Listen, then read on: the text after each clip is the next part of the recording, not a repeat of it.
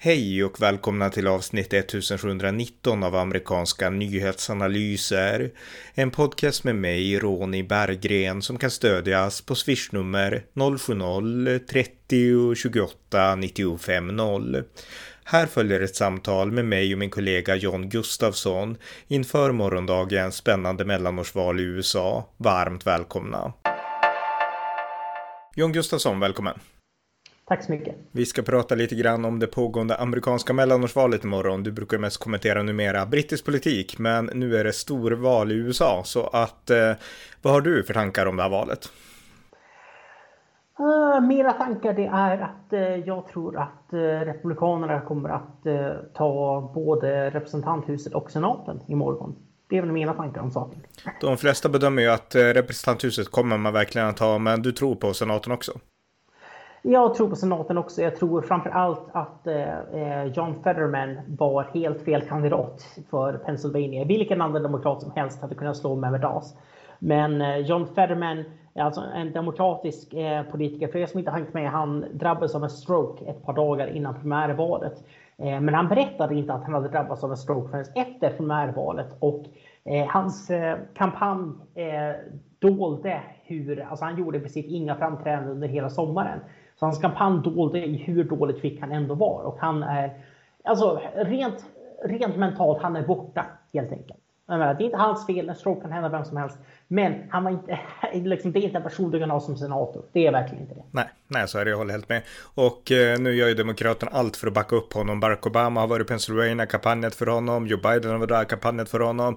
Eh, och Oprah Winfrey som jag, kanske jag är lite ute... Att, jag tycker för övrigt att det här visar på en väldigt nedlåtande syn på vad som är en politikers uppgift. Att man ser verkligen att ja, men han är där, han, han kan fortfarande trycka på rätt knapp ungefär och det, det är allt som behövs. Mm. Eh, och, och, det är väl en nedlåtande syn på vad en folkvald är för någonting. En folkvald ska inte bara vara en knapptryckare. En folkvald ska ha tillräckligt stor del av hjärnan i behåll för att kunna utveckla politik, för att kunna utveckla egna idéer. Fast kanske inte i det demokratiska partiet antar jag. Nej. Men Nej, men, men du, det tycker du, jag i alla fall. Ja, jag håller med om det. Och speciellt i USA där det verkligen bygger på personerna. Det bygger inte på partier på samma sätt som i Sverige, utan det är personbaserat. Nej, menar, i, i Sverige är det knapptryckarkompanier, det vet alla. Men i USA så är tanken att en, menar, en senator har ett helt annat personligt ansvar. Dels över sin voteringsknapp och dels över att hålla kontakten med sina egna eh, väl, väljare, väljare i sin egen delstat eller sitt eget kongressdistrikt.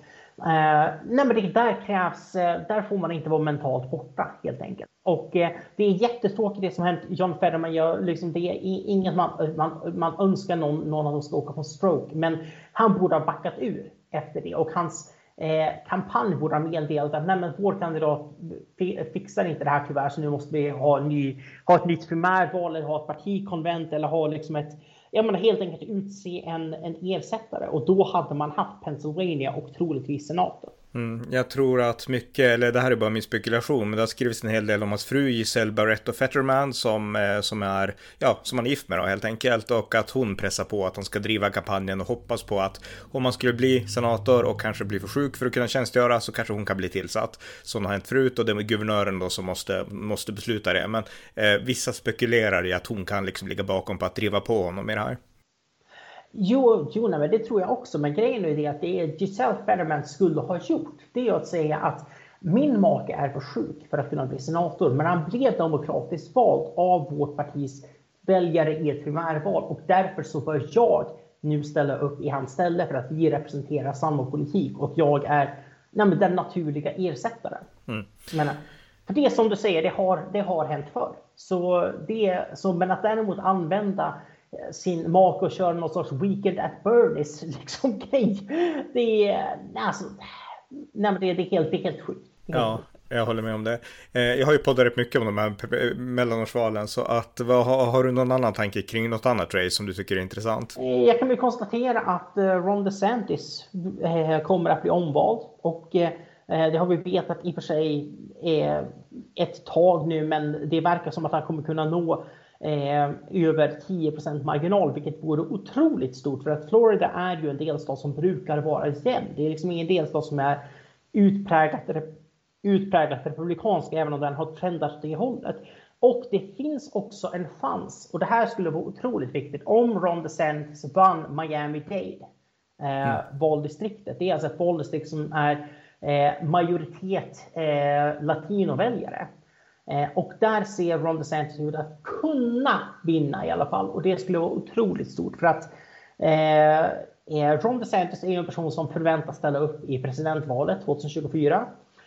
Och eh, eh, Eh, och skulle det vara så, jag menar, det skulle, eh, jag menar, ett, ett stort argument för Ron DeSantis det är att han är valbar. Han kan verkligen, han kan, han kan slå, ja, men han kan slå Demokraterna helt enkelt.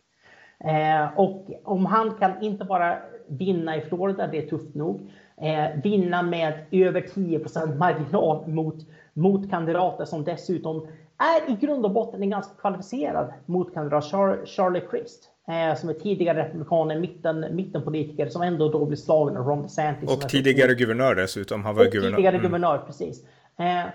Eh, och dessutom vinna, vinna en majoritet av latinoväljarna. Det skulle vara liksom en, en trifecta.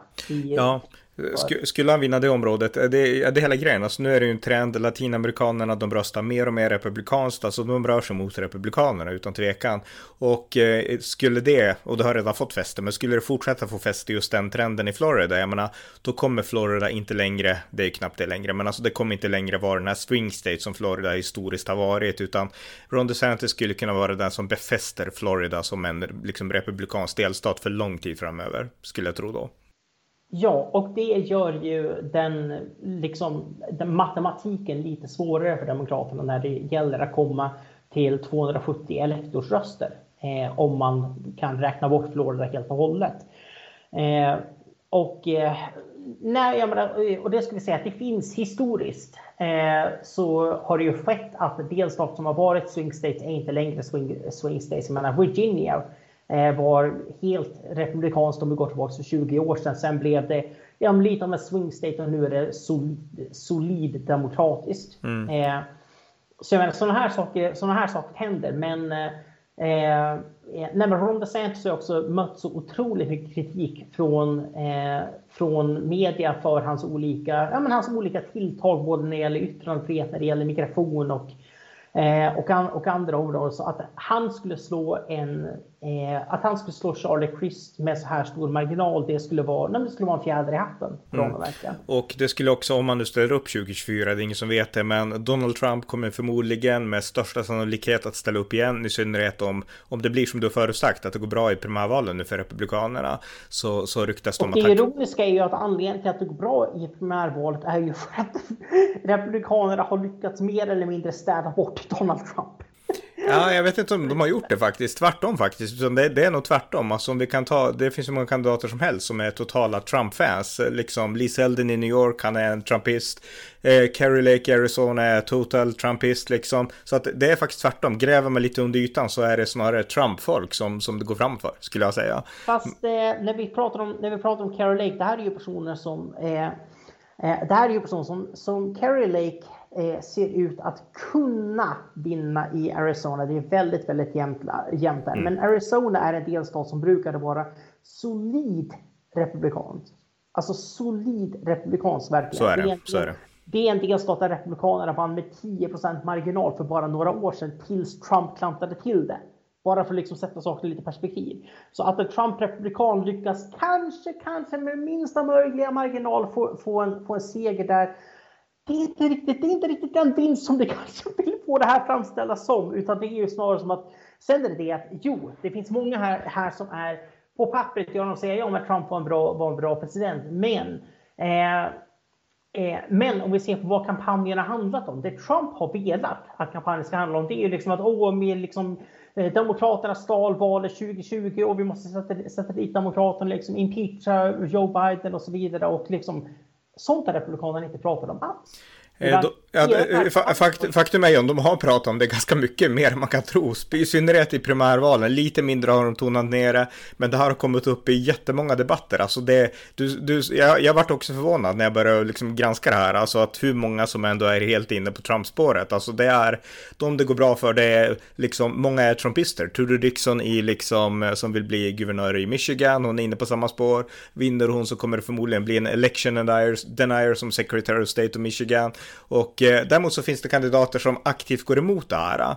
Eh, så, som liksom är tydliga, liksom vi vill absolut inte ha någonting med trumpism att göra. Sådana kandidater finns det. Men det går bra för trumpisten också. Det är, det är nästan ofrån, alltså det är svårt att förneka det faktiskt tycker jag. Men grejen är det att när, alltså ett, ett mellanårsval är huvudsakligen bestäms på vissa fundamentals. Eh, och en sån fundamental, det är ekonomi. Mm. Och eh, det som har varit Republikanernas budskap, om vi ser på vilka kampanjads som har kommit ut från dels Republikanernas egen, egen liksom kampanjorganisation RNC, eh, om vi ser på vad det är kandidaterna kampanjer. Inte att vad, de, eh, vad om de får en konkret fråga, vad tror de om valet 2020, utan vad man kampanjar på. Vilka ämnen tar man upp när man ska slå Demokraterna? Då är det inflationen, inflationen, inflationen. Mm, och brottsligheten. Och, brottslig, och brottsligheten. Så Eh, eh, och det är, närmast det, det är jag menar, lite omvänd repris av 1992 presidentvalet. It's the economy stupid. Mm, liksom, ja. bryr sig inte om något annat när ekonomin är så här dålig. Nej, nej så, är det. så är det. Och där har ju, liksom om vi ska tala Trump, då vi kan gå vidare, men bara lite kort, alltså där har han ju fördelen att frågorna gynnar honom också. Därför att här, Demokraterna har gjort allt fel egentligen, oavsett om vi pratar ekonomin, kriminaliteten, gränspolitiken, alltså Joe Biden och hans, eh, hans eh, gäng, de har gjort allt fel. Eh, ja, i princip. Men eh, nu är också, eh, nu är också problemet, jag menar, jag ser personligen, eh, jag menar, jag, jag, jag kan säga så här samtidigt. Ställer Trump upp igen så kommer Republikanerna förlora 2024. Ja, det, det, det, är inte omöjligt, därför att det kommer ju avgöras av mittenväljarna och de skräms förmodligen av Trump. Och jag tror också att Ron DeSantis har en bredare appeal. Så ställer han upp och vinner, alltså jag tror så här, ställer Trump upp så vinner han Republikanernas primärval. Jag ser inget annat scenario, men eh, risken är större att han förlorar ett allmänt val mot någon demokrat om det blir Biden eller någon annan. Därför att Trump har en stark kärnanhängargrupp, men stödet bland oberoende, det är mindre. Så att kommer de att rösta på Republikanerna då så kommer det ju inte bero på Trump, utan de kommer att trots Trump. Det, det, det tror jag också. Så och det är det som Trumps anhängare har svårt, har svårt riktigt att förstå, att de är inte en majoritet. Nej, nej de fattar inte det. 2016 mm. och 2020 så fanns det en grupp, en hyfsat stor grupp av Trumps väljare som var, jag gillar honom inte men jag gillar den, an, den andra mindre, mm. så att säga. Eh, och eh, det är i längden inte ett särskilt vinnande recept. Utan nej, nej, jag håller med om det. Man, tar man en person som Ron DeSantis, ja om du har 95% av de aspekterna av Trumps politik som var populära, framförallt gräns, gränspolitiken. Men du slipper bagaget, du slipper twittrande mitt i, mitt i natten, du slipper... Valkonspirationerna. Du slipper konspirationerna och framför allt, du slipper att ha en president som inte kan hålla fokus. För det är ju det som Trumps grej, att han har så otroligt stort ego och har så otroligt kort stubin. Han kan aldrig hålla fokus på någonting. Och det gör att även många saker som han föreslog som var bra och som jag till och med tillstod var bra då, när, då, när, de, då när de skedde som initiativ för att öka yttrandefriheten på universiteten. Mm. Som han twittrade om vid något tillfälle och sen glömde bort två dagar senare för att han blev upprörd på någon journalist eller något sånt där så var det bortglömt. Han kan inte hålla det, det fokuset. Han, han kan inte det här med administration i den offentliga sektorn. Det, liksom, det finns ett visst skillset du faktiskt ska, ska, ha om du ska vara en effektiv politisk, politisk ledare. Det har inte Trump. Det har däremot Ron DeSantis visat att han har. Ja, ja, alltså jag tror att Ron DeSantis är mycket stabilare än Trump. Men Trump har ändå varit en framgångsrik president ska sägas och han har, en, han har USAs starkaste... Ja, det kan vi. Exakt. Vi kan också påminna oss och lyssna. Du har inte pratat USA här i den här podden på flera år. Men eh, det beror ju på att vi, du är väldigt mot Trump och jag är liksom halv, alltså jag är ju inte så för Trump heller, men jag är ändå för honom i grundläggande så är det förutom hans tokerier.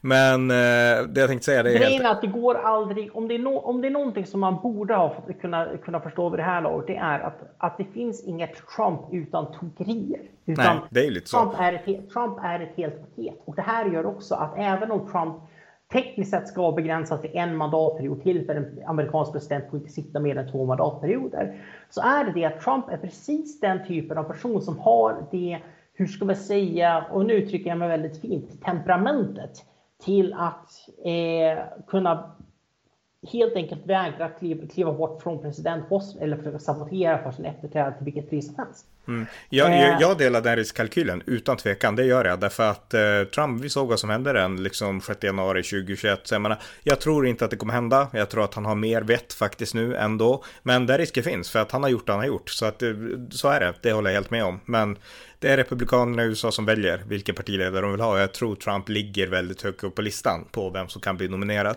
Men jag tänkte jag vi ska... Han, jag tror också, bara för, bara för att förtydliga, jag tror också att han, ligger, att han ligger högt upp, på, högt upp på listan. Samtidigt så är inte säker på för att det har samtidigt ingenting som folk har tänkt på i någon större utsträckning 2024 eller så långt fram. Så det här är ju kampanjen börjar egentligen efter mellanårsvalet. Sen, Så är det. Trump är ju den som är mest känd av de tänkbara eh, kandidaterna och jag tror också att eh, de övriga kandidaterna som annars teoretiskt skulle kunna utmana Trump, som Nikki Haley till exempel, eh, kommer, eh, kommer inte att ställa upp utan man kommer välja, man kommer välja att säga att ja, men Ron DeSantis är i alla fall det är bra nog ungefär.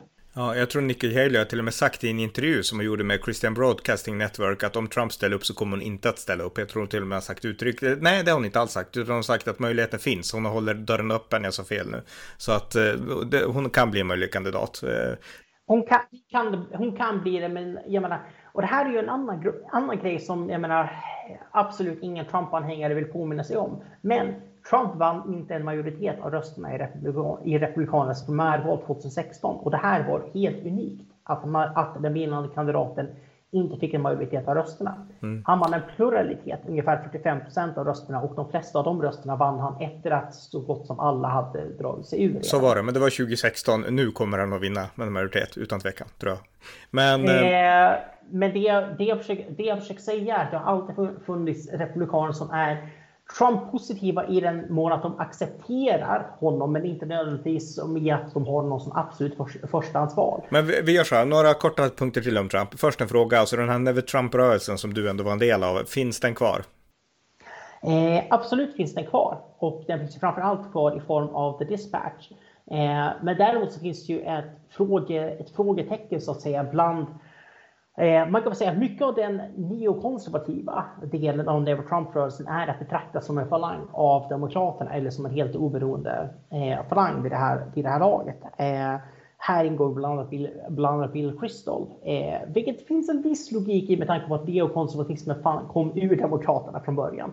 Men Eh, sen har vi eh, så nu är andra eh, som till exempel Jonah Goldberg, Steve Hayes, David, David French, eh, Eh, och så vidare. Och personer som, eh, jag menar personer som ingick i Never Trump-rörelsen den första, eh, så att säga, första omgången, som till exempel Eric Erickson. Mm. Eh, som stödde Trumps omval, även om han inte stödde Trumps för, första, första gången, men som är så att säga måttligt Trump-skeptiska konservativa. Eh, där är vi en grupp som jag tror kommer att samla sig runt Ron DeSantis. Inte nödvändigtvis eh, optimistiskt, men ändå bara för att Ron DeSantis har dels ett temperament och dels en respekt och en förståelse för institutioner som Donald Trump inte har och som hans personlighetsstörning säkerställer att han aldrig någonsin kommer kunna få. Han, har, han, har, han är helt enkelt alldeles för narcissistisk för att kunna se någonting som inte är sig själv. Han kan inte se att någonting kan vara större än han själv. Och det är också därför som, som Donald Trump mitt under ett val, eh, alltså kampanjrally i Florida attackerade Ron DeSantis. Häromdagen bara, jag tror det var i förrgår tror jag, eller något sånt där. Precis, i, för, i förrgår. Eh, och alltså attackerade Ron DeSantis, alltså en annan republikan, guvernör av Florida, som nu ska upp för omval på tisdag och Donald Trump attackerar honom. Jag, jag, minns inte, vad, jag minns inte vad han sa. Jag har, jag, bruk, jag har sett Trumps kampanjrally, men det såg jag inte utan jag läste någonstans. Jag har inte sett klippet. Så vad sa han? Minns du det? Eh, han, räk, han räknade upp olika republikaner som ja, Ron DeSanctimonious ungefär. Han gillar att hitta på elaka, elaka miss, liksom, smeknamn, öknamn på folk.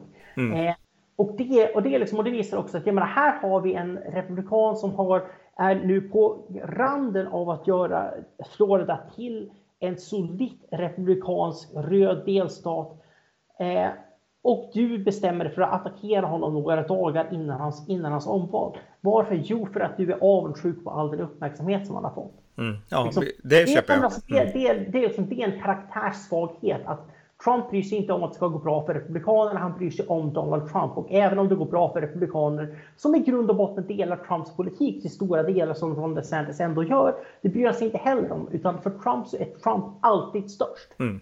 Ja, ja, ja, den, den beskrivningen av Trump delar jag, även om jag ser många positiva egenskaper också. Men att han har ett stort ego som kör över många andra, det, ja, det, det är helt, där är vi helt inne på samma linje. Men jag tänkte vi ska gå vidare från Trump. Sen ska jag säga att jag skulle vilja se, alltså jag har ju fått en favorit de senaste två åren, sen egentligen presidentvalet och äh, den här äh, valprocessen i delstaten Georgia och det är Georgias guvernör Brian Kemp. Han är supercool och han har mer erfarenhet än Ron DeSantis. Han driver en tydlig konservativ politik i Georgia och han går emot valfuskkonspirationer oavsett om de förfäktas av Donald Trump eller av hans konkurrent nu i liksom guvernörsvalet Stacey Abrams, demokraten. Så att han är en riktigt bra politiker och hoppas att han kommer långt i framtiden. Brian jag skulle kunna räkna upp ett halvt dussin republikaner jag gillar mer än, än, Ron, än Ron DeSantis. Men eh, nu snackar vi om realistiska alternativ. Ja. Och eh, eh, nej men alltså det finns, eh, det finns svagheter med personkulter. Och eh, jag skulle säga det också där och säga att jo men Trump har många positiva drag.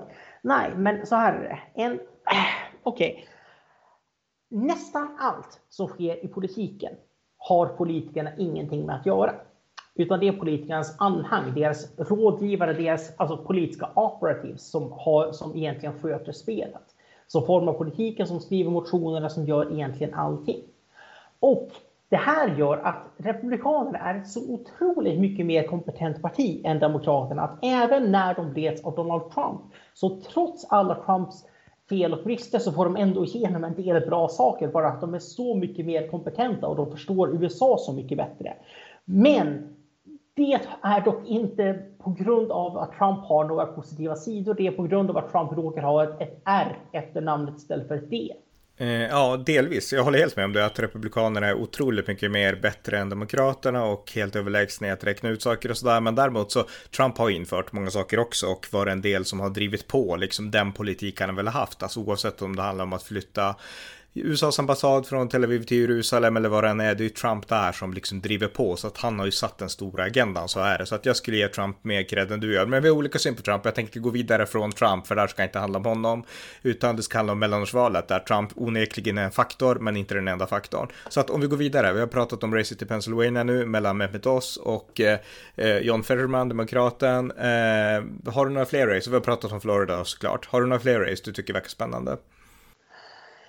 Eh, Annars kan jag slänga in ett medan du tänker och jag tänkte bara på upplysa om ett race som jag tycker är superintressant och det är senatsvalet i delstaten Washington där den sittande eh, demokratiska senatorn Pat Murray utmanas av en republikan som heter Tiffany Smiley.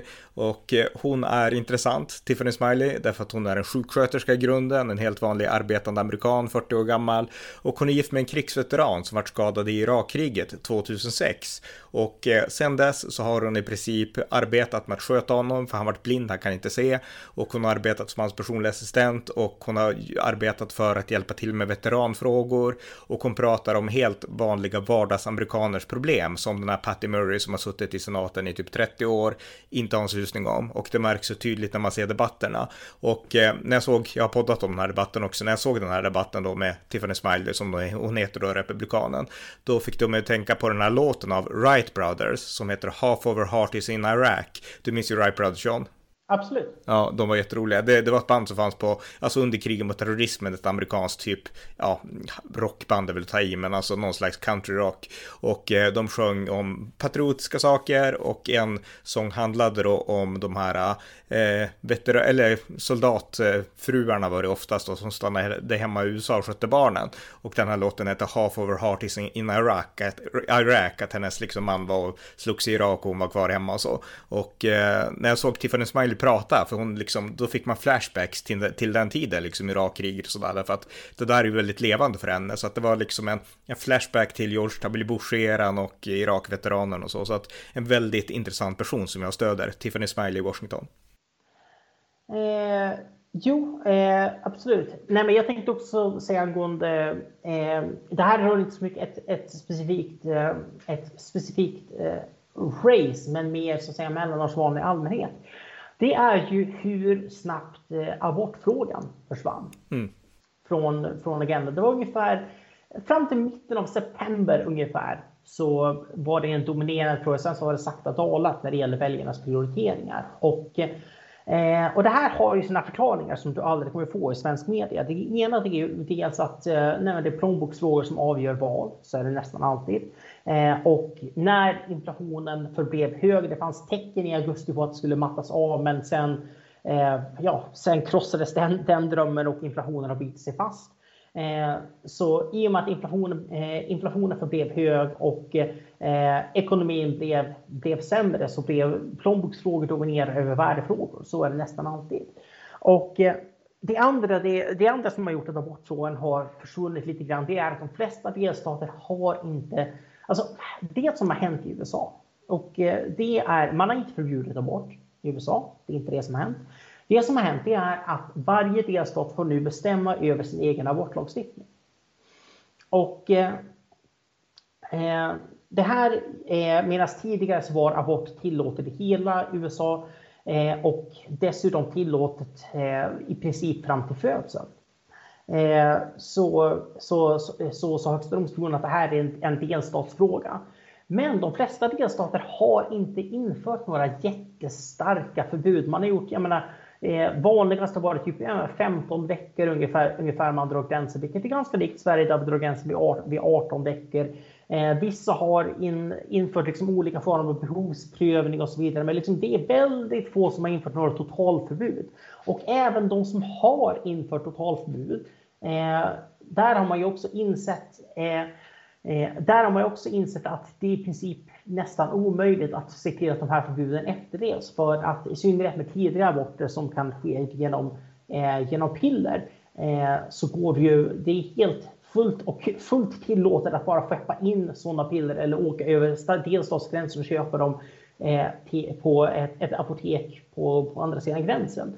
Det är eh, så man, bedömer att, man bedömer att USA har haft ungefär 10 000 färre aborter än man annars skulle ha haft under de här månaderna som har varit sedan juli. Men det här är en minskning jämfört med hur många aborter man har på ett år så är det här en minskning med bara kanske 5% ungefär. Just det. Så effekten har varit mycket, mycket mindre dramatisk än många, än många hade trott. Ja, men det kan jag tro. Det är intressant. Men om man tar de här mest extrema delstaterna då, som Alabama, du kan säkert ha bättre än jag. Alltså om du skulle jämföra de delstaterna med när vi tänker på liksom sådana här strikta katolska länder där abort är helt förbjudet. Det finns väl något land i Sydamerika där du hamnar i fängelse, kvinnan alltså hamnar i fängelse. Så är det inte i USA såklart. Men, men liksom om du skulle jämföra utifrån det du kan, alltså det mest extrema i det här fallet nu, delstaten i USA med liksom andra liksom restriktiva länder ut i världen. Hur skulle du då bedöma, bedöma den jämförelsen? Jag skulle vilja säga att eh, eh, nej men det finns väl det finns väl, jäm, det finns väl jämförelser, men grejen är att en, ett delstatsförbud betyder inte lika mycket idag för det är mycket lättare att kringgå. Så är det inte om du är en kvinna i Latinamerika, då är det ganska sannolikt att du faktiskt inte kan komma åt en, eh, jag menar, en läkare som är villig att utföra, utföra en abort. Mm. Eh, och det är sannolikt att du inte kan bara åka över till grannlandet bara sådär, även om abort skulle vara tillåtet där. Eh, sen det andra det är ju att eh, Republikanerna, det är ingen som har stiftat någon lag som faktiskt riktar in sig på att straffa kvinnorna som gör abort. Och det gör att de flesta, eh, jag menar även, även kvinnor som är för abort säger att det här berör inte mig så jättemycket, jag kommer kunna få tag på, eh, få tag på en abort ändå. Jag menar, jag, berör, jag berörs inte personligen. Mm. Eh, och sen är det också det att, eh, nej som sagt, den abortlagstiftning som USA hade under Högsta domstolens beslut var extrem. Tillät abort fram till födseln.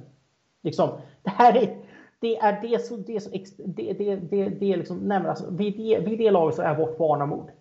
Och jag menar, det står jag för. Det så, eh, så, men om jag, om jag fortsätter här.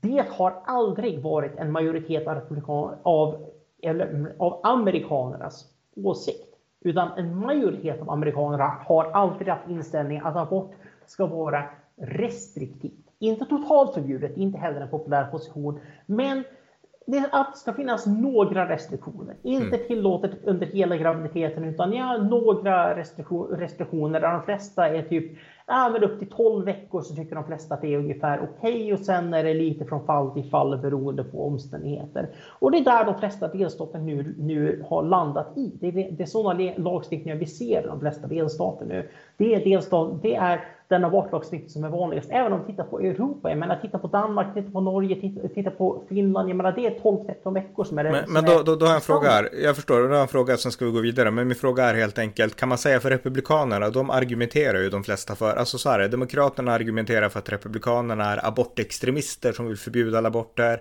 Och Republikanerna, de plockar bara fram en spegel så att det är tvärtom. Det är ni som är extremister, för ni kan abortera liksom foster liksom direkt innan de föds, partial birth abortions och ni kan lämna liksom foster som överlevt aborter och liksom dö på ett förlossningsbord. Så jag menar, vem har rätt här? Har Republikanerna rätt när de säger att Demokraterna är extremister eller har Demokraterna rätt? Eller är sanningen någonstans i mitten där? Jag kan väl säga så här att eh, det finns säkert extremister inom båda partier, men om vi ser på vad partilinjen är, så Demokraternas partilinje, det är abort fram till födseln. Mm. Det är partilinjen. Medan ja, det finns, det finns republikaner som tar eh, abortmotståndet eh, kanske lite väl långt kan jag tycka, men eh, det, är inte, det, är de, det, är inte, det är inte partilinjen och det är eh, och jag menar, det är helt rätt att det här är en dels, delstatsfråga för att USA har olika värderingar. Om vi går från Alabama till Kalifornien till, till Vermont till Alaska det är olika kulturer och, mm. där måste, och abort är ingen sån fråga där du måste ha en enhetlig federal lagstiftning. Utan det är helt rätt som Högsta domstolen har gjort att nu får varje delstat avgöra helt själv efter sina värderingar, efter vad majoriteten i just den delstaten tycker om den här, om den här kniviga etiska frågan som, var, som abort ändå är. Mm. Jag håller helt med. Högsta domstolen gjorde helt rätt. Det här är en delstatsfråga och det är helt oavsett vad man tycker om sakfrågan i sig. Alltså det här är, det är att följa konstitutionen och göra så här. Så att det handlar inte om liksom att de liksom legislate from the bench eller någonting, utan de, de gör det konstitutionen säger, att det här är en delstatsfråga. Jag håller helt med om det. Um, det var något annat jag tänkte på om aborter också, men nu tappar jag det. Men uh, vi kanske kan återkomma till det. Men det här är ju en fråga då som finns i valet. Uh, aborter, eller som demokrati Demokraterna hoppades skulle finnas, men som nu inte finns så mycket längre. Men en fråga som verkligen finns, det är ju såklart då inflationen. Och du är nationalekonom, så jag tänkte börja med att fråga en liksom total basic fråga. Därför att nu pratar alla om inflation, de flesta vet inte vad inflation är riktigt. Så kan du förklara väldigt kort och inte alltför långt, vad är inflation? Sen ska vi gå in på liksom det i det här valet.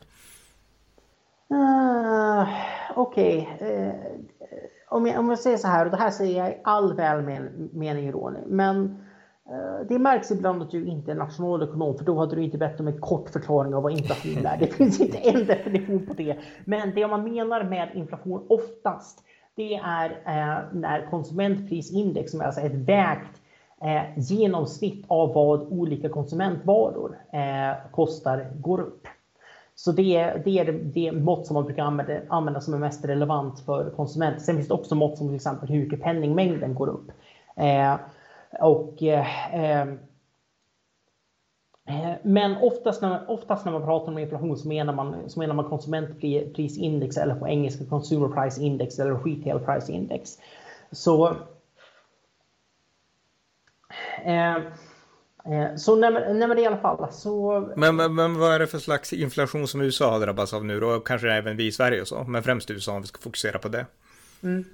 Eh, ja, från, nej, men, eh, man kan väl säga så här. Eh, och eh, det, eh, det här är för övrigt något som, jag fick den här frågan också av när jag föreläste i våras. Jag föreläste en eh, Eh, kurs på ett eh, institut här för några amerikanska college-studenter. De frågade också det här om varför, varför jag ansåg att USA hade inflation. Så är det här att eh, och jag kan väl ge ungefär samma förklaring nu, för det här har inte förändrats. Utan under pandemin så sjönk produktionen. För att det var väldigt många som eh, kunde arbeta men som inte arbetade så att den totala så att säga, output-sidan, eh, utbudssidan inom ekonomin eh, sjönk. Eh, men samtidigt så tryckte man upp väldigt, väldigt mycket pengar och staten tog på sig väldigt stora skulder för att kunna eh, betala folk för att stanna hemma och betala eh, företag för att inte gå i konkurs och så vidare. Och det här gjorde att det blev mer pengar men mindre produkter. Och eh, det är i grund och botten det som leder till inflation. Mm. När du har Eh, ett större, an, större antal pengar som jagar samma eller mindre, mindre antal producerade varor och tjänster så blir varje vara och tjänst dyrare än det varit tidigare. Mycket intressant, jättebra svar och eh, då kan jag liksom då kasta in hur man försöker prata om det här i USA i den här politiska debatten. För jag har följt väldigt många val och väldigt många valdebatter och de pratar om inflationen rätt ofta.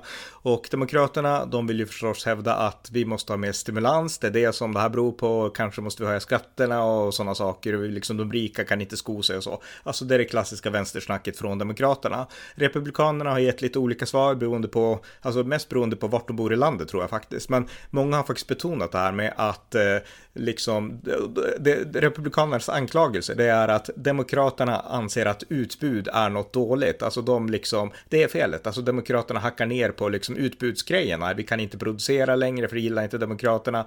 Vi kan inte vinna energi för det gillar inte demokraterna för det är dåligt för miljön och så. Så att det är en av de här attacklinjerna mot liksom Bidens så kallade lösning på inflationen som republikanerna gett. Har du någon tanke om liksom, har republikanerna rätt här eller? Jag tänker att eh, till att börja med, jag är inte säker på att Demokraterna har någon politik för inflationen. För att fler stimulanspaket, det driver upp inflationen. Det var stimulanspaketen som skapade inflationen till att börja med. Det var så man tryckte upp eller lånade upp pengar och därmed ökade mängden pengar, pengar i omlopp. Eh, vilket gjorde att eh, eh det, var, nej, det, var det, det, var det som skapade inflationen till att börja med. Det går inte att komma ifrån. Mm. Sen eh, Eh, Eh, sedan, sen är det klart att när det sker utbudsstörningar, som, och det här har varit en, en drivande sak i Europa när vi har haft utbudsstörningar inom elektricitet framför allt och inom bränsle och eh, gas. Eh, som, ja, nämn ni kan historien, det är handelskrig mellan Europa och Ryssland kort sagt. Eh, när sånt sker så ökar ju produktionskostnaderna eh, för att när energin blir dyrare då blir det dyrare för alla företag, företag att driva sin, sin verksamhet och ju mer el ett företag använder desto dyrare blir det. Och det här blir ju kostnadsökningar som man sedan måste passa till konsumenterna i form av högre priser. Så det driver också upp inflationen. Eh, så då har man två, eh, så att säga, två så att säga, drivkrafter och Demokraterna gör båda värre. Dels genom att driva på en helt oansvarig klimatomställning och en, en omställning som man inte har rätt att pausa när, jag menar, jag, menar, jag hör, hör inte till de som förnekar att global uppvärmning kan bli ett problem. Men man måste kunna prioritera lite nu. Jag menar, i, under det globala läge som finns här. Det finns absolut inget, inget vett i att eh, i att attackera, som Biden gjorde för några dagar sedan, attackera den amerikanska kol, eh, kolin, kolin, kolindustrin eller attackera amerikansk, eh, eh, den amerikanska oljeindustrin och så vidare liksom, vi har ett problem, eh, problem nu där utbud inte matchar efterfrågan och det driver upp priserna. Och att då göra det svårare för, utbud, för utbudare att minska utbudet på varor och tjänster genom att driva upp produktionskostnaderna genom att man driver upp kostnaderna för el och bränsle. Det är fullkomligt oansvarigt. Det är klart att det blir inflation på det. Och då blir det enda sättet att bekämpa inflation när regeringen beter sig så, så är det så att i både Europa och i USA så finns det oberoende centralbanker. Centralbanken driver inte upp under regeringen direkt. Regeringen har ett inflytande över vilka man utser till centralbanken, men det, det är liksom, nej men centralbanken agerar hyfsat oberoende. Så att, eh, jag menar, Ulf Kristersson kan inte ringa upp Stefan Ingves och säga åt, säga åt Ingves vad han kan göra. Då kommer Ingves be Kristersson dra åt helvete. Liksom. Och det är samma sak det är, samma sak, det är samma sak i USA, det är samma sak i... Liksom, nej, det är standard i, i, den, i, i den utvecklade världen. Att man har men, men vad blir Feds svar då när Biden gör som han gör? Liksom, alltså att han... Ja, det har vi väl ungefär redan sett. Det är svaret från Federal Reserve när de ser att vi kommer inte få någon hjälp med att stävja inflationen från regeringen. Då måste vi göra allt jobb själva. Och det enda redskapet Federal Reserve har, eller det enda liksom riktigt tunga redskapet som Federal Reserve har, det är att höja styrräntan. För att om man höjer styrräntan, då blir kredit, eh, då blir alla lån dyrare, krediterna blir, blir dyrare eh, och då kyls ekonomin ner så mycket att efterfrågan minskar tills efterfrågan har nått utbudets lägre nivå. Eh, och det här tar visserligen död på inflationen, men det tar död på ekonomin på samma gång. Så det är lite klumpigt redskap. Ja, men, men det här det är, det är jätteintressant här, men, men det för mig över då till återigen till valpolitiken. Alltså om Republikanerna vinner nu, tar kongressen, helst måste man vinna presidentskapet också. Det kan hända 2024 oavsett vilken republikan det blir. Men kommer Jag skulle absolut nöja mig med att man tar senaten. För att tar man som representanthuset och senaten, eh, då har Biden ingenting att säga till om längre. Nej men okej, okay. men, men, men, kommer man då att kunna styra upp inflationen på ett bättre sätt om Republikanerna får den här makten? Eh, alltså det är lite beroende. Men Republikanernas politik på pappret är eh, bättre. Det ska jag väl säga direkt. Den är bättre. Eh, exakt vad man gör när man faktiskt har makten och exakt vad man prioriterar att satsa sitt politiska kapital på. Eh, det är ju så att säga eh, Ja, det kan man inte se förrän det blir praktiskt. Det kan, det kan vi inte se förrän det är... Eh, Eh, det, det, vet vi helt, det, vet vi helt enkelt, det vet vi helt enkelt inte. Men jag kan ju säga att det Republikanerna nämner, även om Republikanerna också har en begränsad bild av inflationen. Jag menar, vi skulle säga att det kom en, en, en undersökning bara nu, eh, bara nu idag som visade vad väljarna tror om inflationen. Alltså vad tror väljarna skulle hjälpa inflationen? Mm. Eh, och jag kan väl säga så här att både Republikanerna och Demokraterna, alltså undersökningen var så här, tror du att följande politik om den genomfördes skulle skulle minska inflationen. Eh, och så skiljer man då på vad tror Republikanerna skulle minska inflationen, vad tror demokratiska väljare skulle minska inflationen. Jag kan säga så här, båda grupper är dumma i huvudet, men Republikanerna är lite smartare. Eh, ja, men, men, all, men allihop, skulle, allihop skulle tjäna på att ta typ en liksom sju och en halv högskolepoängskurs i nationalekonomi. Ja, men det här är jätteintressant. Jag, alltså, jag vill verkligen säga till er som lyssnar, John är superbra på nationalekonomi och du är nationalekonom. Jag har doktorerat i, national, i nationalekonomi. Ja, du har doktorerat i nationalekonomi. Jo, men det är bra, men alla vet inte det. Men jag menar, du kan det här och jag har pratat med det här alltså, så länge sedan du var tonåring, liksom, så jag vet att du kan det här. Så jag, jag, bör, jag började skriva artiklar om nationalekonomi. På, det var faktiskt så jag började på amerikanska nyhetsanalysen när det fortfarande var en blogg som 17-åring. Jag började skriva artiklar om finanskrisen för att Ronny kunde inte området tillräckligt väl. Så han fick det stämmer bra. Det stämmer bra, du har helt rätt. Men det får mig över till en fråga till, sen ska vi gå vidare. Men det här rör ju mellanårsvalet, för inflationen är det stora samtalsämnet. Och jag tror många kan tycka att det här är intressant. Eh, jag menar, vi vet alla att Demokraterna förenklar ekonomin väldigt mycket och vi vet ungefär hur. De skyller på kapitalismen, de vill ha liksom högre skatter, de vill eh, styra upp ekonomin med hjälp av stimulanser, de vill slå ner på storföretag och de vill socialisera samhället med allt ifrån statlig sjukvård till det ena och till det andra. Alltså det är det är ju grund och botten ett socialistiskt tänkande infiltrerat i liksom demokratisk progressivism och liknande. Men det är socialism i grund och botten och ren socialism vet alla inte funkar. Så att Demokraterna säger ju inte vi är socialister då, utan de säger andra saker. Men, men liksom, det är ändå den policy som finns i grunden.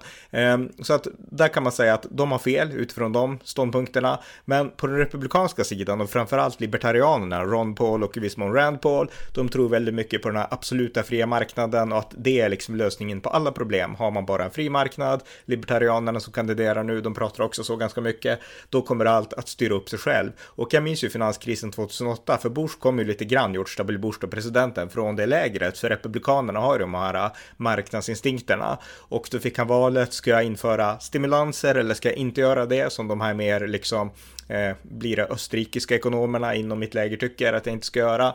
Eh, han valde, jo men vi måste ändå lägga in stimulanser. Alltså har republikanerna förenklat liksom sin analys för mycket åt de här liksom rena dogmatiska teorierna? Eh, nej, men jag upplever inte att republikanerna nu är dogmatiska, utan eh, det jag skulle... Det kan du tacka jag... Donald Trump för, för han är inte dogmatisk i ekonomin. Eh, jag skulle säga att reflektionerna inte var överdrivet dogmatiska för, för det hela. Det har alltid funnits jag menar, ett, en free market camp och det är viktigt att den, de rösterna finns. Sen ska man inte alltid följa de rösterna, men de har en viktig eh, de har en viktig roll ändå. Jag menar, fria marknader ska vara utgångspunkten mm. för, för ekonomin. Sedan är det att det kan finnas fler saker du vill, gör, du vill uppnå med ekonomisk politik. Att du får se ekonomipolitiken som en del av, ett större, av en större politik. Eh, och det kan finnas mål som du vill uppnå med ekonomipolitiken eh, eh, som du kanske Eh, som jag menar, den fria marknaden kanske inte är jättebra på. Och det, framför allt så kan det vara, vara det att även om jag menar, ja, om du lämnar saker åt den fria marknaden kommer saker förr eller senare att reda upp sig. Men under den tiden eh, så, jag menar, jag, nu gillar inte jag John Maynard Keynes, men han hade ett citat, citat som var ganska träff, träffsäkert. Han sa “In the long run we're all dead”. Mm. Alltså, mm. alltså, ja, den fria marknaden kan lösa saker på, och kan lösa saker på lång sikt, men på lång sikt är vi alla döda. Ungefär. Att det, att, att det mänskliga lidandet hinner bli väldigt, väldigt stort. Eh, men i alla fall, men för att gå tillbaka till den här undersökningen och varför. Eh, så att eh, till exempel så tror, eh, eh, för det här, det här är faktiskt ganska, ganska talande. Eh, så en majoritet av eller majoritet, men pluralitet i alla fall. 49 procent av demokraterna tror att om man höjer företagsskatten, då kommer inflationen att bli lägre. Och jag skulle, alltså det liksom, och det här säger jag liksom på, liksom med allra största eh, respekt som akademiker. Vad är det här för jäkla IQ-fiskmås-politik? Alltså, höja skatterna på företagen när företagen redan behövt höja priserna. Det leder alltså till att företagen får större omkostnader och därmed måste höja priserna ännu mer. Vilket gör i sin tur att Federal Reserve, centralbanken, måste höja styrräntorna ännu mer för att få ner inflationen. Vilket gör att det blir ännu dyrare för vanliga husägare att ha råd, ha råd med sina lån och ännu dyrare för företag att få, att få krediter. Vilket är liksom, alltså det, det är vänsterpopulism helt enkelt. Det har ingen, liksom, det finns, det finns absolut inget sätt som det skulle kunna avhjälpa inflation på. Absolut ingen alls. Så. Däremot republikaner, där hittar vi några Eh, några punkter här där, där till exempel 73 av republikanerna säger att, det skulle, eh, att inflationen skulle funka om vi ökade, eh, om vi ökade oljeproduktionen eh, här i USA. Det har de rätt i. Eh, båda sidor tycker att man borde investera i att stärka utbuds, eh, alltså distributionskedjorna. Har de också rätt i, även om det är lite vagt exakt hur det skulle gå, gå till. Eh, minska skatterna tycker 49 procent av republikaner, en pluralitet av republikaner alltså tycker att det vore en bra idé. Bara 31 procent av demokraterna håller med. Här skulle jag säga att det är lite beroende på exakt vilka skatter du menar. För att menar du inkomstskatter så tror jag att det snarare skulle driva på inflationen möjligen. Eh, för att det ökar efterfrågesidan. Att däremot minska eh, skatter på, på eh, inte, minst, inte minst nyföretaget, alltså helt enkelt det som är på utbudssidan. Eh, det skulle kunna ha en, en stor effekt. Eh, eh, sen däremot så klantar ju republikanerna, alltså det är många republikanska väljare nu som är trötta på kriget i Ukraina och som har fått för sig att kriget i Ukraina det är anledningen till att vi har ett budgetunderskott, det är anledningen till att vi har inflation, det är anledningen till att jada, jada, jada. Mm. Eh, så att 41 procent av republikanerna tror att om vi minskade stödet till, eh, stödet till Ukraina, då skulle inflationen gå ner. Eh, låt oss bara säga att det funkar inte riktigt så. Sen är det det att USAs stöd är ju till att börja med Alltså jag ser inte ens en mekanism genom vilket det skulle kunna, det skulle kunna ske. USAs stöd till Ukraina är till att börja med inte ens 1 av den amerikanska statsbudgeten och två, eh, stödet är till 70% inte monetärt utan består i att USA ger Ukra Ukraina amerikanska restlager av, alltså militär, militära restlager helt enkelt. Så, eh, eh raketer och, så, och an, annat liksom, militärteknik som USA inte använder längre. Så att det är inte... Men, men kan vi använda det här, jag håller, jag håller helt med, kan vi använda det här som en brygga till att komma över på Ukraina? För det var det som, om du inte har något mer att säga med ekonomin, för det var det som jag ville komma in på just Ukraina. Eh, det finns alltså inom Republikanerna nu en falang som inte fanns förut, det fanns inte på alls på det här sättet när du och jag började hänga med amerikansk politik. Och det är just den här falangen som tror i viss mån på isolationism, de härrör lite grann från Trump-rörelsen, America First Republikan. Lite grann? Ganska mycket, okej, okay, jag erkänner, ganska mycket.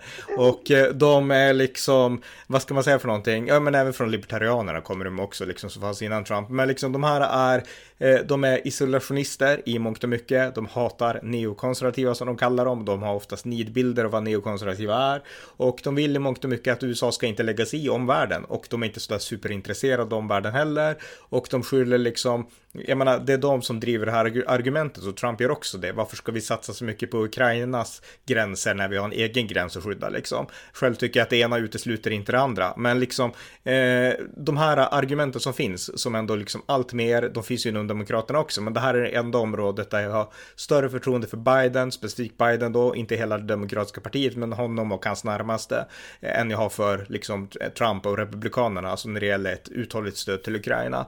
Vad eh, vad, tänker du om den här falangen då liksom? För att jag menar, de republikaner vi började hänga med i, det var ju Reagan-rörelsen, George W. Bush som var extremt aktiva om världen.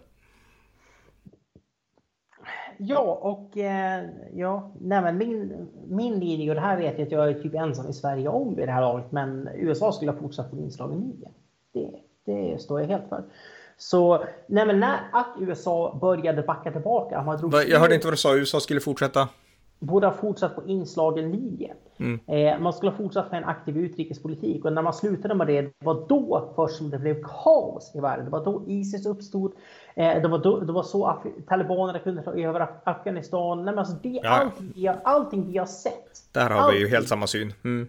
Allting vi har sett egentligen i negativ utveckling de senaste 15 åren globalt. Allt ifrån rysk, eh, rysk expansionism, kinesiska provokationer, Eh, Isis, allt det beror på att USA kastar in handduken. Mm. Det, det, är liksom, nej alltså det, går, det, går inte, det går inte att komma ifrån. Sen så kan man debattera intellektuella frågor om världspolis och vilken rätt har USA till att göra det här. Jada, jada, jada. Ingen bryr sig. Det, är liksom, det finns en verklighet. Och det, i, verkligheten så, I verkligheten så väljer man väl mellan en världspolis och världsanarki. Man väljer mellan USA och man väljer mellan Kina. Det är liksom, där är vi i verkligheten. Detta är realpolitik. Ja, nej men alltså eh. vi, USA behöver vara aktiva i omvärlden. Vi håller helt med om. Vi är helt ensamma här i den här frågan, det vet vi redan. Men liksom, eh, nu är, är det så här att båda partierna, sakta men säkert, inte Biden, för han är väldigt gammal. Han har rötterna i liksom en uråldrig historia när USA var stort och häftigt liksom. Och han, det är det han minns ungefär och det gillar jag med Biden. Men det finns en ny ung progressiv generation i liksom det demokratiska partiet som är skeptiska till Israel tyvärr. De är liksom emot den här aktiva utrikespolitiken. De tror på de här vänster och alt-right högerkonspirationerna om att USA är orsaken till ondskan i världen. De tror på postkoloniala teorier och de finns i liksom undervegetationen hos demokraterna och de finns också tyvärr i undervegetationen numera hos republikanerna och är ganska stor. Den växer ju mest hos republikanerna. Alltså hur ska man se på det här? Kommer det här på sikt att innebära att USA kommer att börja backa från den här liksom eh, framåtrollen de har haft så länge? Ja, jag menar, jag tycker vi har sett att USA har ju backat. Det som vi just pratade om. USA, USA har ju backat när det gäller eh, eh, nej alltså, amerikanska åtaganden i utrikespolitiken och sedan Bush, eh, Bush eh, presidentskapsslut har ju varit minimala. Det har varit begränsat. Ja, men någon flygkampanj där, någon liksom no-fly zone där, någon liksom NATO-aktion liksom där. Det har varit väldigt, väldigt liksom symboliska grejer som har mest skapat kaos snarare än det man gjorde. Jag menar, och det är ju bara att se på, se på eh, eh, eh och det är bara att se, se, på siffror för de som tror att USA inte uträttade någonting i Mellanöstern. Jag menar, ta, jag menar, ta Afghanistan till exempel. Antalet liksom, kvinnor som gick i skolan 20-dubblades under mm. USAs tid där som, som ockupationsmakt. När vi bara ser på BNP, när vi ser på vilken indikator som helst, livet blev hundra gånger bättre under USA. Och allt det kastade Biden bort för att man inte ville ha kvar 2500 soldater. 2500 soldater, det var allt som krävdes för att säkra hela Afghanistan. Och det tyckte man att när vi låter miljontals afghanska kvin kvinnor gå tillbaka, falla tillbaka in i, in i hedersförtryck igen för att nej, vi ska inte leka världspolis. Det är liksom att, alltså, gre grejen är det. Och jag, jag, ska, jag, berätta, jag kan berätta en sak. För att jag menar, jag hade en del libertarianska, jag hade inte isolationistiska, men jag hade en del libertarianska idéer som tonåring. Absolut, det minns du säkert också Ronny. Ja. Uh, men gre grejen, jag kan ju berätta en ganska uh, ögonöppnande diskussion jag hade med en av eh, en av mammas väninnor då hon nämnde någonting, något negativt om tandvården och den liksom, privata tandvården, att tandvården inte ingick i liksom, eh, det allmänna högkostnadsskyddet. Och jag som då, jag menar, jag är ganska höger, liksom, ny, nyliberal, jag skulle förklara ungefär, nej men det här är Eh, liksom när vi behöver fria, mark vi behöver fria marknader liksom, och det ska självklart inte ha någon offentlig tand tandvård och så, och så vidare. Liksom, allt, allt det här är statens fel och så vidare. Liksom, jag gjorde en hel liksom, national, jag satt säkert och pratade en halvtimme i sträck, typ. jag kan göra det. Eh, det vet jag också Ronny. Eh, jag gjorde en hel nationalekonomisk som jag tyckte träffsäker utläggning om hur perfekta marknadskrafterna var och om vi bara hade fri marknad, liksom då, då liksom skulle alla liksom tandvårds problem, problem lös, vi skulle absolut inte, liksom, ingenting skulle kunna, skulle kunna lösas av att, vi, eh, om, av att staten blandar sig i mer i, liksom, i, i tandvården. Mm.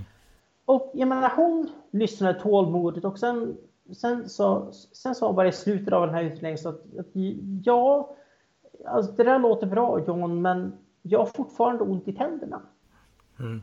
det är lite det som är grejen här. Jag hade ingen praktisk lösning på det här och libertarianismen hade ingen praktisk lös lösning på det här. Utan, och det är lite grann som de postkoloniala, liksom, som du nämnde, både vänster och höger, som säga, att de kan göra långa ut, ut, utläggningar om att åh, USA ska inte vara en världspolis, åh, USA gjorde så här dumt i Chile och Guatemala och så vidare. Och så vidare. Och på andra sidan står en afghansk kvinna som säger Ja, men jag blir fortfarande, fortfarande stenad. Jo, men jag blir fortfarande förtryckt. Liksom, era eleganta akademiska resonemang har ingen som helst betydelse här. Exakt, det, det, är jätte, det är jättebra att du berättar och att du drar den slutsatsen. Därför att jag menar, jag är, ju, jag är akademiker, du är akademiker, men jag, menar, jag är väldigt kritisk till en del av den akademiska världen. Därför att den är totalt teoretisk, den är inte kapabel att applicera någonting till verkligheten och det blir de här abstrakta sakerna som gör att folk tror på teorier snarare än på verklighet och ledare, ledare kan inte vara akademiker. Men den sämsta, den sämsta ledare jag sett, eller en av de sämsta, det var Barack Obama. Han var akademiker. George W. Bush, men även Donald Trump, de är inte akademiker, men de är mycket starkare ledare. Så akademiker trollar i mångt och mycket bort sig själva. Jag menar, titta på politiken mot Iran. Så att jag menar, jag håller helt med i, i den poängen. Alltså, ledare måste kunna axla liksom den praktiska världen. Sen är det bra att kunna akademiska, alltså ha akademisk kunskap också såklart. Det är en stor styrka att ha. Men bara det akademiska, det räcker inte. Nej, och, eh, eh och sen, och sen, sen är det, sen är det eh, Nej, men för, att gå, för, att gå, för att gå tillbaka, nej, men jag tror att många amerikaner har inte heller förstått vad konsekvenserna skulle bli av att överge Ukraina nu. Eh, för konsekvenserna är inte begränsade till Ukraina. Eh, utan både de de på vänster isolationister och höger isolationist tänker att ah, men vi överger Ukraina, Ukraina måste kanske ja, men ge bort något territorium typ till Ryssland sen är det tillbaks business as usual. Det de inte fattar, det är alltså sviker man Ukraina nu, då är USAs tid som supermakt över. Mm. Och det är av den väldigt enkla anledningen att Europa skulle aldrig förlåta ett sådant svek. För att USA gillar att ha lite en, ja men en lite uppblåst bild av sig själva ungefär som America saves the day. Liksom vi har vunnit två världskrig ungefär. Att det är, att det är, liksom, det är USA som gör grovjobbet. Så har det inte varit i Ukraina. Utan i Ukraina så är det Europa som har tagit den stora smällen. Där det är Europa som har, som vi har, har på egen hand skapat en lågkonjunktur över hela kontinenten bara för att hjälpa, bara för att hjälpa Ukraina. Det har inte USA. USA har gett bort militära överskottslager. Eh, vi däremot riskerar att frysa i vintern. Liksom, det är vi som har tagit emot miljontals ukra ukrainska flyktingar. Det är, vi, det är vi som har, har fått flerdubblade, flerdubblade el och värme, värmeräkningar. Eh, det är vi som har tappat hundratusentals jobb på grund av, alltså vi, vi som vi i Europa som har tappat hundratusentals jobb på grund av, på grund av de här sanktionerna. För att vi tror så mycket på ukrainsk självständighet. Och det här, om USA då skulle, då skulle säga ah, nej, vi, vi, nu, nu är vi trötta på det här, ungefär. Nu, nu går vi vidare. Det skulle man all, det skulle vara en, en dolkstöt av... Ja, nej, men då, då, då, skulle det, då skulle den transatlantiska länken som både du och jag värnar, den skulle brytas. Och inte nog med det, jag menar, du skulle få ekon på andra håll i världen också. Taiwan skulle känna att vi kan inte heller lita på USA. Det skulle göra att Kina får ett liksom, ja, de börjar tänka likadant som Putin tänkte. Nu kanske är våran tid och våran, det är dags att vi tar tillfället akt nu liksom. För att USA signalerar svaghet. Så att jag håller helt med. USA måste inse liksom vilken roll de har. Och det finns två roller här. Dels Dels har vi det här konstitutionella där från författningsfäderna, en tid när USA inte gick i krig förvisso, men de här grundidéerna som gör USA bra, tron på individuell frihet, marknadsekonomi och liknande. Men även den här rollen de fick efter andra världskriget som de har axlat galant i USA. Alltså att stå fast i båda de här traditionerna, det, det måste vara vår tids uppgift. Att se till att USA gör det, tycker jag. Ja, absolut. Jag kan ju också nämna med Taiwan att där kan USA inte heller göra någonting själva. Utan USA kan hjälpa till att försvara Taiwan. Men där kommer man behöva Europas hjälp. Alltså, om Kina invaderar Taiwan så måste hela Europa införa sanktioner mot Kina. Mm. Det är bara så enkelt.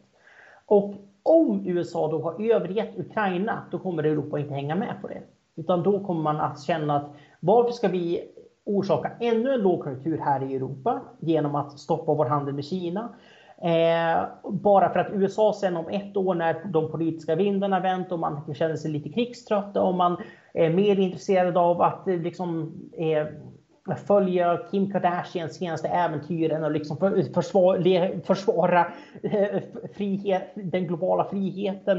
Eh, varför ska, varför ska vi riskera att stå varför ska vi, varför ska vi, eh, varför ska vi, varför ska vi hjälpa dem med det? Nej, nej, exakt. Det, exakt. Jag menar, Europa inte investerade i Taiwan. Liksom, det är anledningen till att Taiwan inte blev övertaget av kommunistkina. Det var ju USAs skydd. Onekligen så. Onekligen så. Nej, men alltså vi ja, måste... Så har det varit, så har det varit i 70 års tid. Så jag ja. menar, Eh, så menar, amerikaner kan känna, kanske känner att ja, vi, vi, har ingenting, vi har ingenting att göra med Ukraina, ligger jättelångt bort, det här är Europas problem. Men ja, det här är ett ge och ta. Så vill ni ha hjälp, vill ni ha hjälp med, med Taiwan sen så eh, ja, Ja, nej, men vad, vad, vi måste förstå, jag menar jag, jag startade ju faktiskt en tankesmedja, nu heter den amerikanska nyhetsanalysen, men den hette Atlantic Conservative Alliance en gång i världen för länge sedan. Och eh, jag menar det är precis det vi behöver, vi behöver nu starka alliansen mellan, en konservativ allians mellan Europa och USA och den är helt ödesavgörande för att världen ska fungera i framtiden. Alltså det här är vår tids stora fråga, att hålla alliansen mellan USA och Europa stark och eh, bygga ett gemensamt paraply för västerländska värderingar mot de här nya totalitära krafterna som kommer kommer från Kina och Ryssland och liknande och militant islam. Så att det här är vår tids stora uppgift utan tvekan. Men vi har broddat iväg lite grann, alltså vi ska fokusera in på mellanårsvalet igen. Men det här har med mellanårsvalet att göra för många kandidater på vänsterkanten men även på högerkanten. De är inne i de här tankarna att vi liksom, konstitutionen säger ju att bara kongressen kan förklara krig, liksom Lee, Mike Lee, Youth och de här och liksom andra menar att, ja men det jag var inne på att gränsen i Ukraina, vi måste tänka på gränsen mot Mexiko. Så att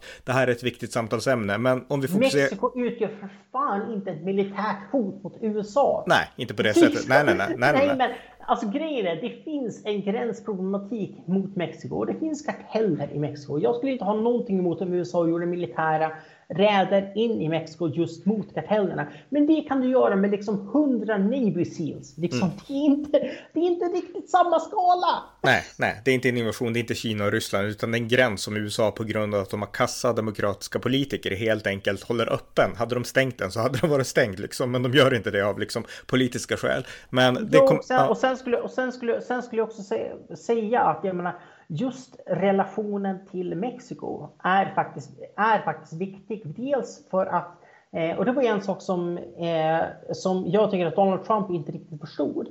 Eh, det är just därför man, när Donald Trump blev vald så dröjde det bara två år så valde eh, Mexiko en ex, vänsterextremist till mm. president. Mm. Och det var just på grund av den anti-amerikanism som uppstod i Mexiko som inte hade funnits där tidigare. Som uppstod på grund av Trump på grund av hans retorik som Trump kanske inte menade så illa, som Trump kanske inte menade alla mexikaner eller och så vidare. Men det spelar ingen roll.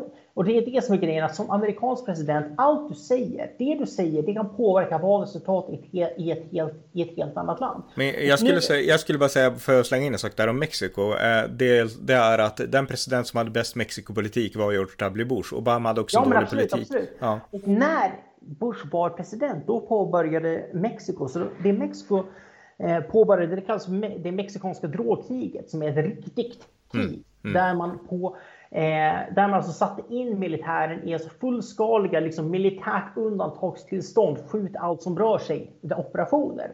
Alltså där man har, och i det mexikanska drogkriget som pågick alltså då när Mexiko hade en konservativ eh, president, eh, så dödade man 250 000 kartellmedlemmar. 250 000 mexikanska medborgare som dödades av sin, e, av sin egen militär för att de var medlemmar i karteller. Så då tog man det här hotet på största allvar. Och sen kom Donald Trump. Mm. Och eh, sen, blev, sen valde, eh, och jag menar Mexikos nuvarande president AMLO, eh, han är ju helt i fickan på kartellerna. Han har ju för övrigt en politik som vi kanske känner igen lite, lite grann. Eh, och den, hans slogan är kramar, inte kulor. Alltså kort sagt, vi ska bygga fritidsgårdar för att stoppa kartellerna istället för att sätta in militären. Om ni tycker att det här känns, känns bekant så är det för att det han har i princip kopierat Socialdemokraterna i Sverige. Typ. Mycket intressant. Liksom, ja. vi får, du har ju mycket kunskap om Mexiko också. Vi får podda om det jag, jag, jag, gift, jag är gift med, med, en, med en mexikanska. Ja, jag vet det. Eh, Precis. Som för, som för övrigt hör till de mexikaner som skulle typ hellre sätta en militärjunta än en vänsterextremist om jag säger så. Ja, just det. Just det. Ja, ja. ja men det, det, är rätt vanligt att många i Syd och Latinamerika tänker så, det vet jag. Liksom. Jag menar, här i Sverige hör man, ba, hör man bara att Pinochet var typ Hitler och sådana saker, men jag menar, de många som Pinochet var inte ens i närheten av Hitler. Hitler dödade fler, fler personer på en dag än Ja, han gjorde på 15 exakt. år. Men här, här har vi liksom, här tänker vi fascism och så tänker vi Hitler, vi drar igen paralleller. Alltså det är inget snack om det. Alternativet till Pinochet var att Chile skulle bli en kommunistisk Ja. lydstat. Ja, men det, det är så här. Ja, jag håller helt med. Men alltså Sverige har inte nyanserna. Utan för oss är det, man kan antingen vara Hitler eller så kan man vara inte Hitler. Liksom. Det är ungefär så svenskar tänker. Så det finns noll nyans. Man kan inte analysera något. Man kan inte analysera Mussolini och man kan inte analysera Franco. Och vi ska liksom vara tydliga här med att fascism är dåligt, diktatur är dåligt och Hitler var helt fruktansvärd. Men alltså, man kan inte bara sammanblanda alla i samma klubb, vilket de oftast gör. Medan när man pratar vänsterpolitik, då ska man alltid se nyanser. Men det där är inte Stalin och det där är inte, alltså, men det, det görs inte åt andra hållet. Men det finns nyanser och de är viktiga. Men det här var också ett sidospår. Tillbaka till mellanårsvalet i USA då. Nu ska vi börja avrunda det. Har du något mer sista du vill säga om det här mellanårsvalet som äger rum imorgon?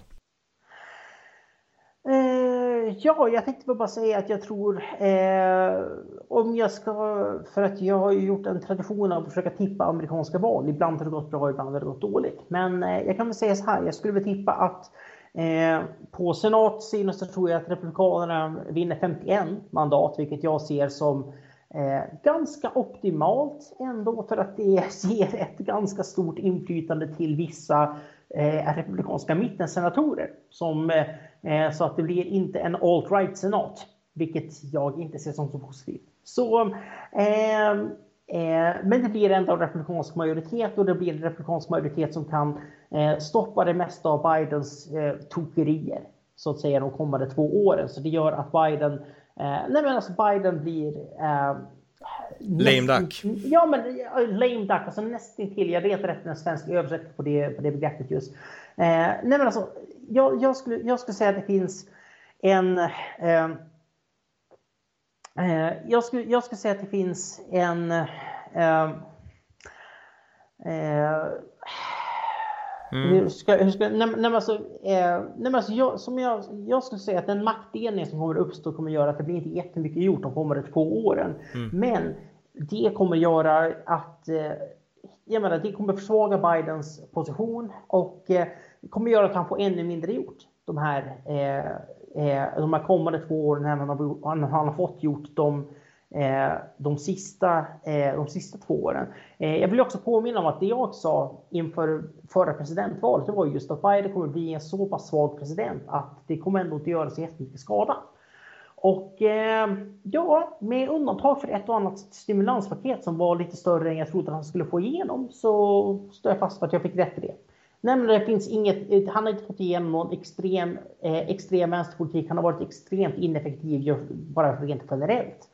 Och eh, han kommer bli ännu mindre eh, effektiv efter, eh, efter, morgon, efter, morgondagens, eh, efter morgondagens resultat. Och eh, jag tror också att eh, den här eh, studentlånsamnestin som är hans stora liksom, reformfråga nu att förlåta alla, liksom, ge låneförlåtelse till, all, till alla studielån att efterskänka alla studielån, den kommer att slås ner i Högsta domstolen, det är jag helt övertygad om. Mm. Och eh, det är väl en dålig, jag menar du är själv student, du har studentlån, jag menar men det här är ett dåligt förslag. Jag har typ 800 000 av det. Jag kommer aldrig kunna betala tillbaka dem, jag vet det. Men det var, det var mitt val, det får jag stå för. Det ja, liksom... Men det här är ett dåligt förslag av Biden, eller hur? Det här är ett värdelöst förslag, förslag och det vi skulle säga det efterskänkning av studentlån betyder bara att skattebetalarna betalar alla studentlån istället för att de som har studerat får betala sina, sina studielån. Mm. Så jag menar, är det, jag menar, var det mest rättvist? Även om jag menar, USA har jättehöga utbildningskostnader, är det inte mer rättvist att de som faktiskt har gått på universitet betalar studielån än att alla liksom, arbetarklassen som inte hade råd att gå på, gå på universitet eller som valde att inte göra det tvingas betala studielånen för alla de som gick på universitet. Jag menar, Ska det här föreställa liksom vänsterfördelningspolitik? Det här är den mest arbetsfientliga politik jag, vi, vi har sett på, på liksom generationer. Mm. Eh, nej men jag skulle säga så här, 51, eh, 51 senatsplatser till republikaner blir mitt tips. En knapp majoritet men en majoritet likväl. Eh, i, eh, I representanthuset eh, så skulle jag så eh, alltså där är det mycket, mycket svårare att säga något, något mer, något mer eh, något mer exakt, men jag skulle säga, jag skulle säga typ, två, typ 225 eh, platser i representanthuset tror jag är rätt rimligt för Republikanerna. Mm. Just det. Ja, intressant. Och eh, imorgon om några timmar bara så är det prima, eller midterm elections i USA. Så att eh, det ska bli jättespännande. Så tack John för det här samtalet. Tack själv. Tack för att ni har lyssnat på amerikanska nyhetsanalyser, Sveriges enda konservativa röst om amerikansk politik som kan stödjas på swishnummer 070-30 28 95 0 eller via hemsidan usapool.blogspot.com på Paypal, Patreon eller bankkonto. Vi hörs imorgon igen. Hej så länge!